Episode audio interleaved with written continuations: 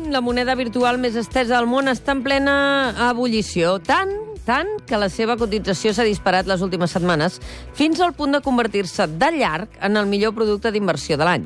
Amb un risc real, això sí, de bombolla especulativa.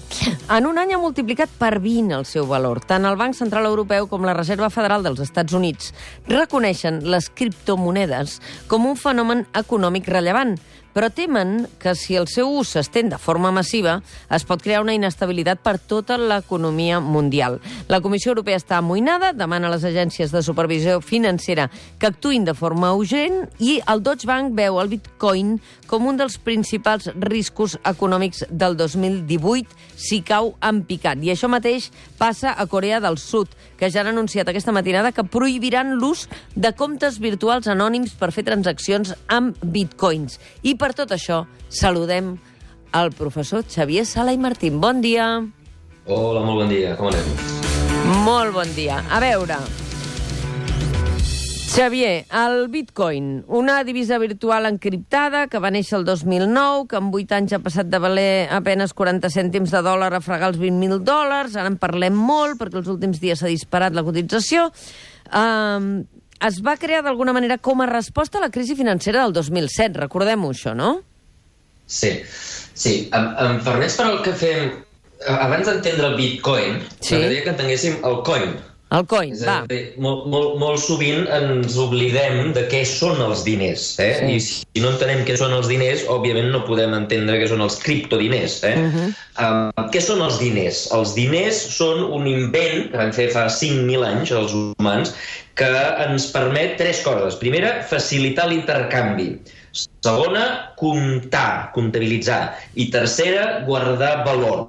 Eh? Què vol dir? Deixa'm posar un exemple. Aquí al costat de la ràdio tenim un restaurant, no? La Sí. senyora del restaurant fa esmorzars i la senyora aquesta, doncs, eh, necessita, per exemple, agafar un taxi, no?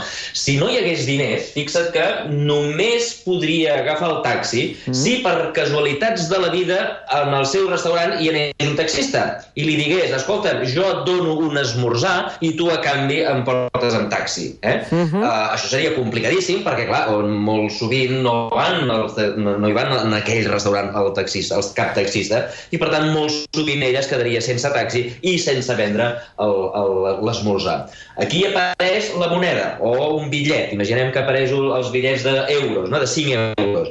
Uh, pot anar una senyora que no té res a veure amb els taxis, pot anar al restaurant, per exemple, una peixatera, eh? agafa, li dona un bitllet de 5 euros a la senyora, la senyora, ara ja, la, la, la senyora del restaurant, ja té un bitllet de 5 euros que pot, ella quan vulgui, anar amb el taxista i agafar el taxi. Mm. Fixa't que l'aparició del diner permet que hi hagi una transacció, eh, dues transaccions, primera que serveixi un, uh, un, uh, un esmorzar i segona que s'agafi un taxi, dues transaccions que no, no haguessin passat si no aparegués aquest paperet. Eh? Sí. Uh, la segona cosa que ha passat aquí és que diguem, uh, de sobte s'ha comptabilitzat el restaurant. Qu quan ha valgut aquest, aquest, uh, aquest esmorzar? Eh? Ha valgut 5 euros. 5 euros, euros. Eh? Uh, els preus, fixa't, estan posats en monedes. Sí. Això val 5 euros, això val 10 euros. Eh? I això permet doncs, comptabilitzar i dir, veure, més o menys el valor del, del l'esmorzar és més o menys el valor del, del, del, del viatge en taxi, 5 euros cadascun. Eh? I això és el valor de comptabilitzar.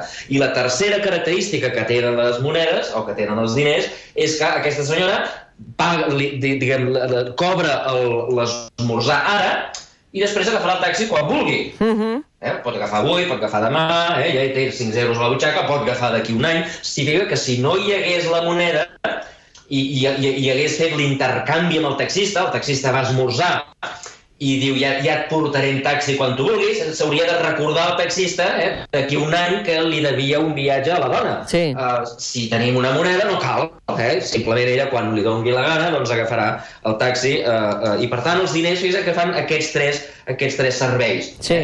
El, el, a través de la història hem utilitzat moltíssimes coses que ens han servit per fer això, eh? Al principi fèiem servir cereals. Sí. Uh, després vam, servir, vam fer servir uh, pols de, de, de metalls preciosos. Després va venir un senyor, va agafar aquesta pols i les va posar, va posar, les va fondre i va posar la seva cara uh, i es va convertir en una moneda, eh? Que el Mhm. rei deia que en aquella quantitat de, de, en, en aquella moneda hi havia tanta quantitat de pols de plata o d'or. Eh? Després van venir els xinesos i van uh, introduir papers, els bitllets, eh?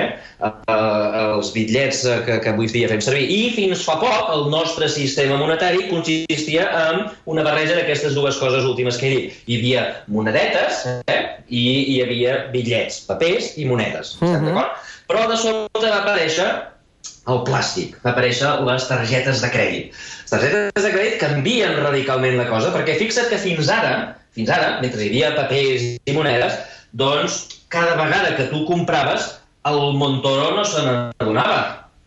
Eh? Quan tu vas al restaurant i et gastes 5 dòlars a 5 euros i pagues en euros, Mm. ningú, ningú sap que t'ho has gastat, oi que no? Uh, I, per tant, això era un, un sistema de pagaments anònim uh, que doncs, escapava el control de l'autoritat i en particular de l'autoritat fiscal, que era el senyor Montoro. Mm. Uh, però de sobte apareixen les targetes de crèdit. I les targetes de crèdit bàsicament són una nova forma de diner eh, que, uh, que bàsicament són números, eh, hi ha uns números amb un ordinador a la caixa, eh, que quan tu vas i compres l'esmorzar, li dones a la senyora del restaurant una, una, una targeta Mm. i llavors, màgicament, tu no, no ho veus això, eh? però màgicament en el teu compte de la caixa Desapareix.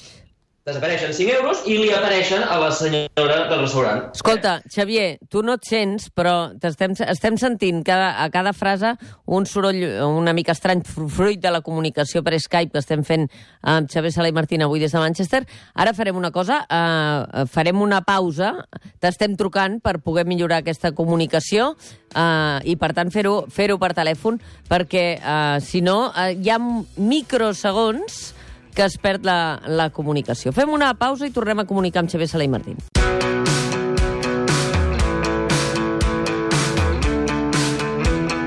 Xavier Sala i Martín, estàvem en el moment màgic en què eh, la targeta plàstic, per entendre'ns, la targeta de crèdit, fa que desapareguin els diners del meu compte corrent i s'ingressin en el de la persona que m'ha donat un servei, no? Sí, sí. Uh, I aleshores, diguem, el problema, el problema que té... Això té dos problemes.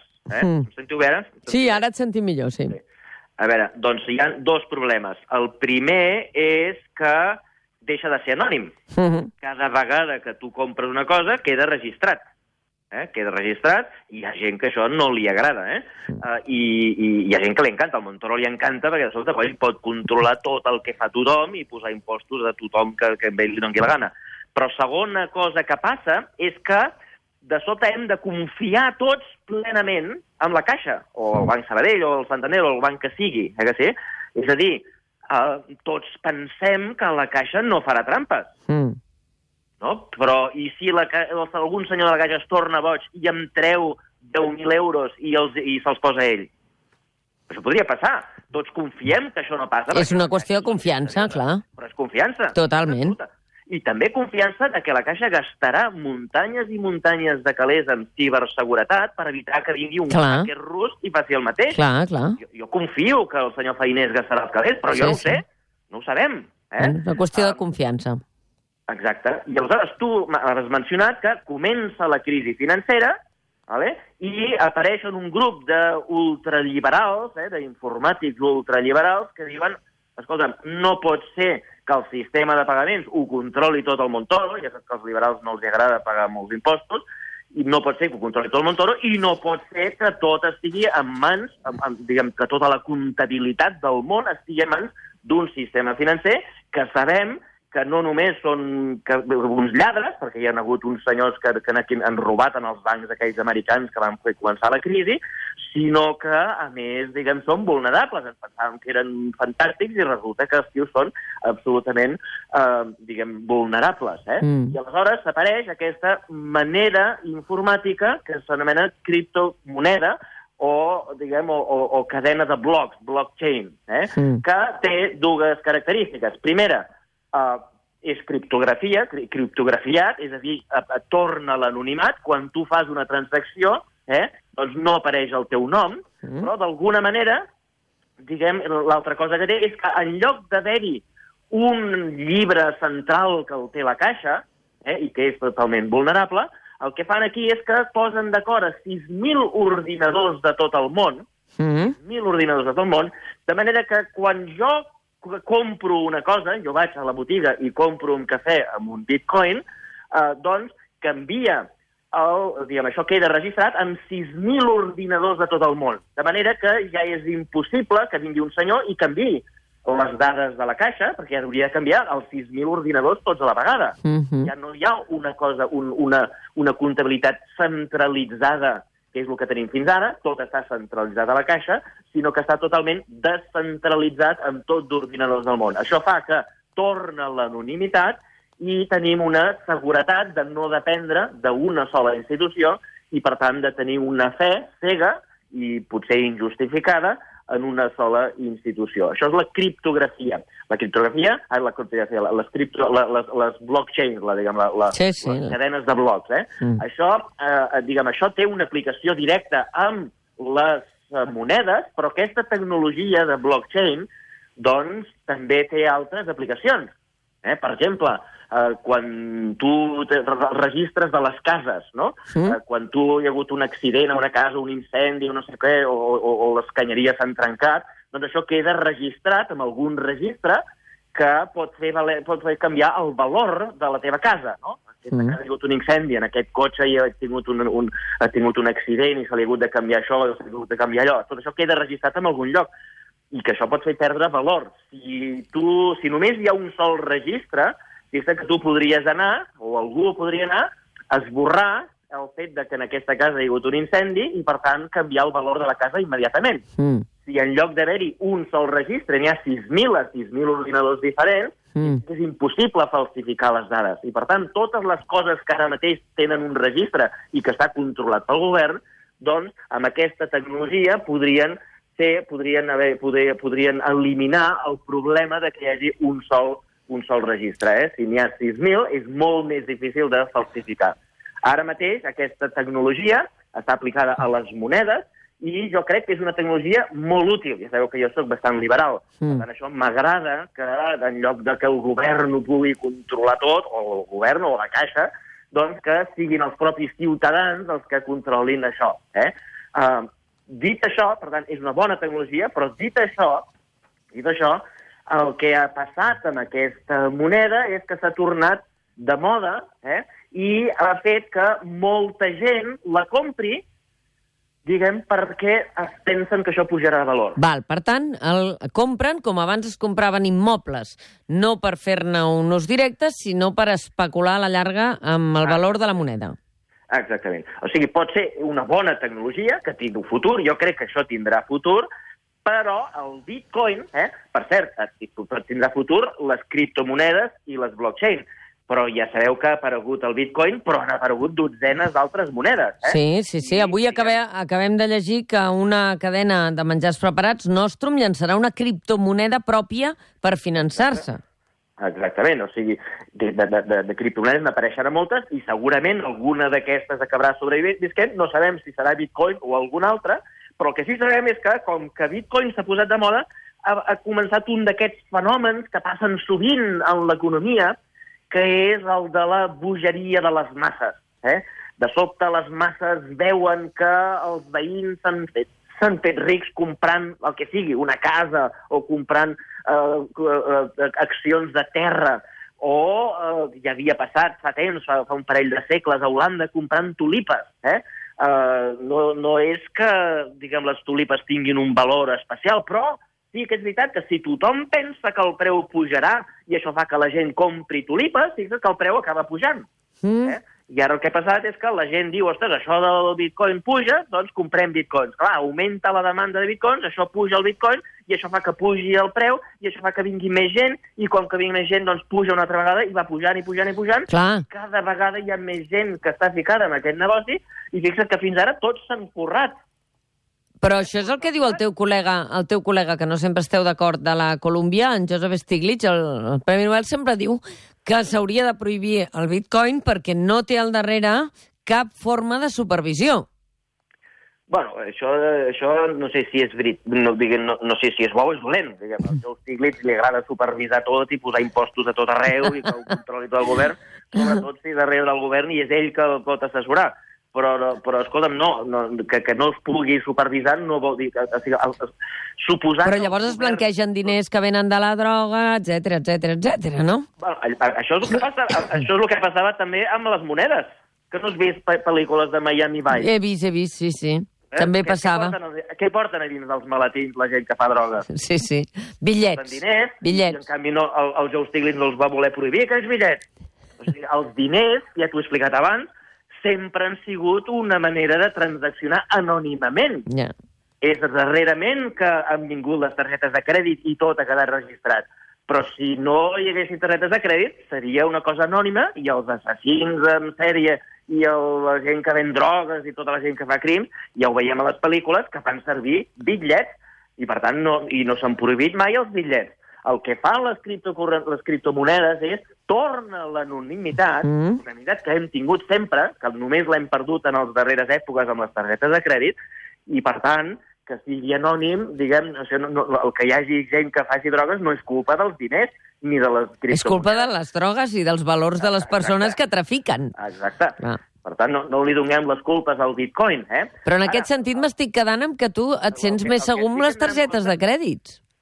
Eh, perdona, el que sí que hem d'anar en compte és que, això, això ho, he, ho he dit abans i torno a repetir, compte, perquè el fet de que el bitcoin sigui bo no vol dir que no hi hagi una bombolla que pugui explotar, tota la gent que compra diner, que compra coses, diguem, bitcoins ara, pot acabar perdent-los tots, perquè no està clar que si les criptomonedes acaben triomfant en el futur i fent-se servir mm. per com a mitjà d'intercanvi, que ara mateix no ho estan fent, eh? ara mateix li diem criptomoneda, però no és una moneda, en el sentit que us deia abans eh? un mitjà d'intercanvi. Els diners són un mitjà d'intercanvi que ens serveix per comptabilitzar eh? i per guardar valor. Ara mateix això no passa. Ara és simplement una, una cosa especulativa com les tulipes. Per què no passa? Doncs perquè tu, hi ha molt poques botigues, tothom pot comprovar que a totes les botigues de Barcelona es paga amb euros. Pots pagar amb diners, diguem, amb efectiu, eh, amb bitllets o amb, o amb monedes, pots pagar amb targeta de crèdit, però amb euros. Segona, es comptabilitza amb euros fins i tot les transaccions en bitcoin sempre preguntem, escolta, i això amb euros quan és? I això amb dòlars quan és?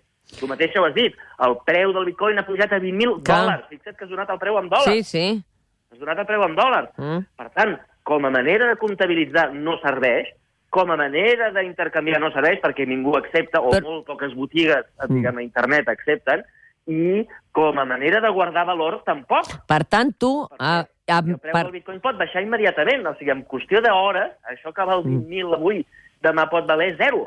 Eh? Per tant, per tant no, la gent no, que ens està sentint, la gent que ens està sentint i que ha sabut l'explosió de la bombolla de les empreses.com, per exemple, als anys 90, Exacte. o tot això, eh, no els hi recomanem invertir en bitcoins eh, perquè es crearà més bombolla, no?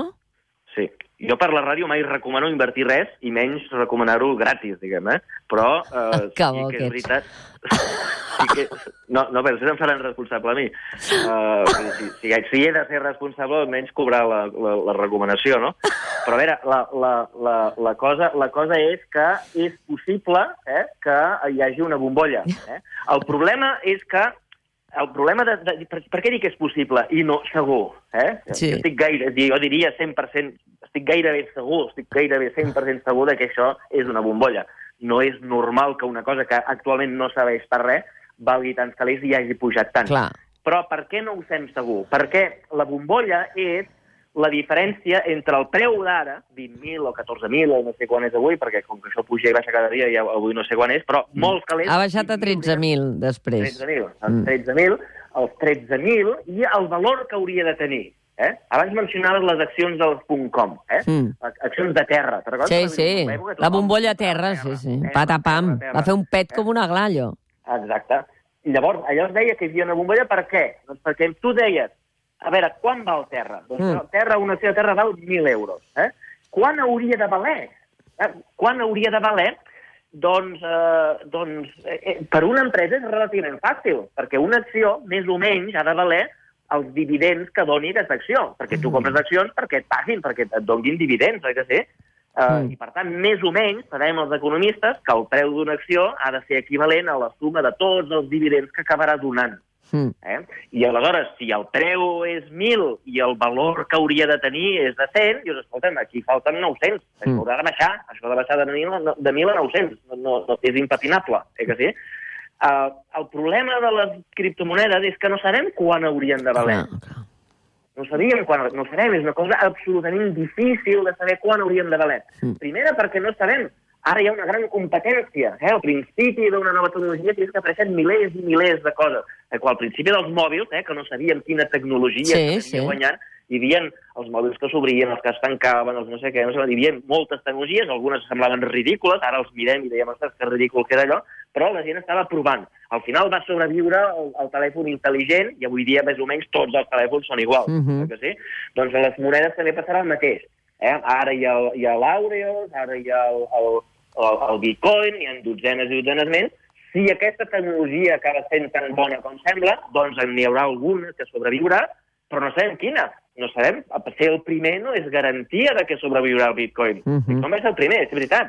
Però també recorda que les, a les xarxes socials la primera no va ser Facebook. Mm. Recordes que abans hi havia una cosa que es Sí. deia MySpace, Sí. semblava que s'havia de Sí, menjar sí. el món, i pum, va desaparèixer Sí. i va guanyar Facebook. O, podria o la mateix. competència entre els sistemes de Ah, vídeo, VHS, Beta i, i el, el sistema Ah, exactament. 2000, que, quan, Exactament. que, Exactament. que els que ens estan sentint ara fliparan, però el sistema 2000 qualitativament era el millor, el que tenia una tecnologia més bona, i Beta era el més popular, i al final es va quedar l'VHS.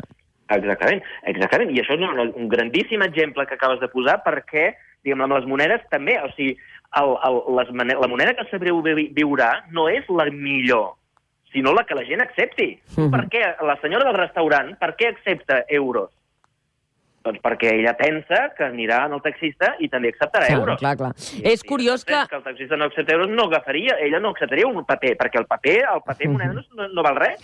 Però el factor, el factor anonimat, Xavier, que deies a l'inici, en un estudi del Banc Central Europeu diu que els europeus realitzem el 80% de les transaccions en monedes i bitllets en efectiu. Per tant, no ens agrada que ens controlin a través de les targetes, sinó que encara continuem pagant-ho tot, allò, si podem, amb efectiu, no? I, per tant, Sí, això, sí. això deu tenir a veure amb la voluntat que té l'ésser humà de que la informació sobre la seva vida, en general, no, no quedi instal·lada en ordinadors dels quals no tens control. Exactament, exactament. O sigui, la, la necessitat que tenim tots de tenir privacitat pot acabar fent que les tecnologies que triomfin siguin les criptomonedes per sobre de les targetes de crèdit. Sí, sí. Eh? I, i, I, per tant, això és un argument a favor de dir que escolta'm, alguna criptomoneda acabarà sobrevisquent. Eh? També és possible, que com has donat tu la notícia al principi, que els governs eh, vegin aquesta creació de monedes com una competència, Sí. que, perquè fins ara ells tenen el monopoli. Clar. Tots els euros els fa el govern. Clar. I, I, clar, de sobte ve una moneda privada que els hi fa la competència i això ho voldran prohibir. I prohibiran els comptes, amb, com ha fet Corea, no? Prohibiran els comptes Sí. amb criptomonedes i tal, perquè el Montoro el que vol és controlar tot perquè paguem impostos i ningú se li escapi eh, que ell ho pugui controlar absolutament tot. I, I, per tant, pot acabar passant que sigui una gran tecnologia, però que els governs les prohibeixin per la força i el tio que faci servir bitcoins se'n vagi a la presó. Ah, exacte. Veurem què passa. Uh, Xavier Sala i Martín, moltíssimes gràcies. Molt bona entrada d'any. Un petó. Ens sentim el Igualment. 2018. Que vagi bé. Igualment, a reveure. Adéu.